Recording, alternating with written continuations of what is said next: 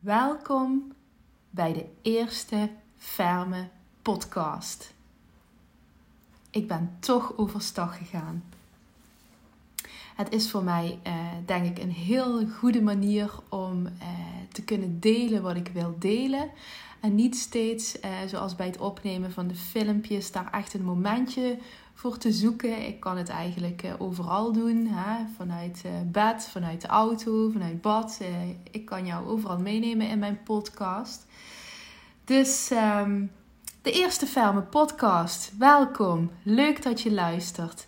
Ik ben Nadine, eigenaar van Bij Ferm en de Ferme School. En op social media ook wel de Ferme Coach. En het lijkt me goed om te beginnen met mijn verhaal. Niet compleet, maar als start. Een logisch begin, want ik ben alles behalve logisch.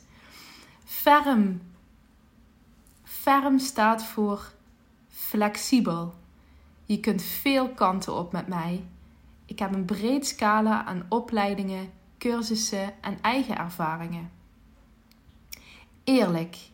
Ik ben steeds dichter bij mezelf gekomen en daardoor ook eerlijker naar mezelf gaan kijken en ook naar de ander.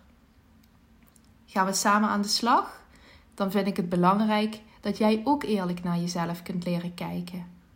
Resultaatgericht. Ik kijk altijd met je mee wat voor jou het beste is. En soms ben ik dat niet. Ik spreek dan mijn netwerk aan en kijk samen met jou wat de beste weg kan zijn. Binnen bij Ferm vind ik het belangrijk dat je resultaat gaat zien, inzichten en ervaringen opdoet ik ben niet van alleen praten. Ik laat je voelen, uitspelen en al je zintuigen gebruiken om tot nieuwe ideeën te komen. Kom het beleven. Menselijk.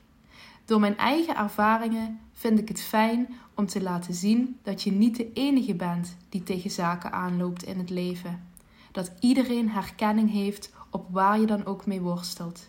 Je bent een mens, gelijkwaardig aan mij en zo behandel ik jou ook.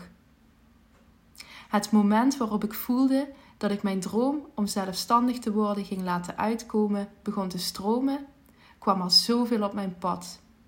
Dat ik op datzelfde moment ook in een behoorlijke diepe put zat en eerst nog dieper moest gaan, hoort ook bij mijn verhaal. Hier kom ik later op terug. Nu ben ik hier, maar mijn leven begon 37 jaar geleden. Daar neem ik je in de volgende podcast graag mee naartoe. Dank je voor het luisteren en tot de volgende.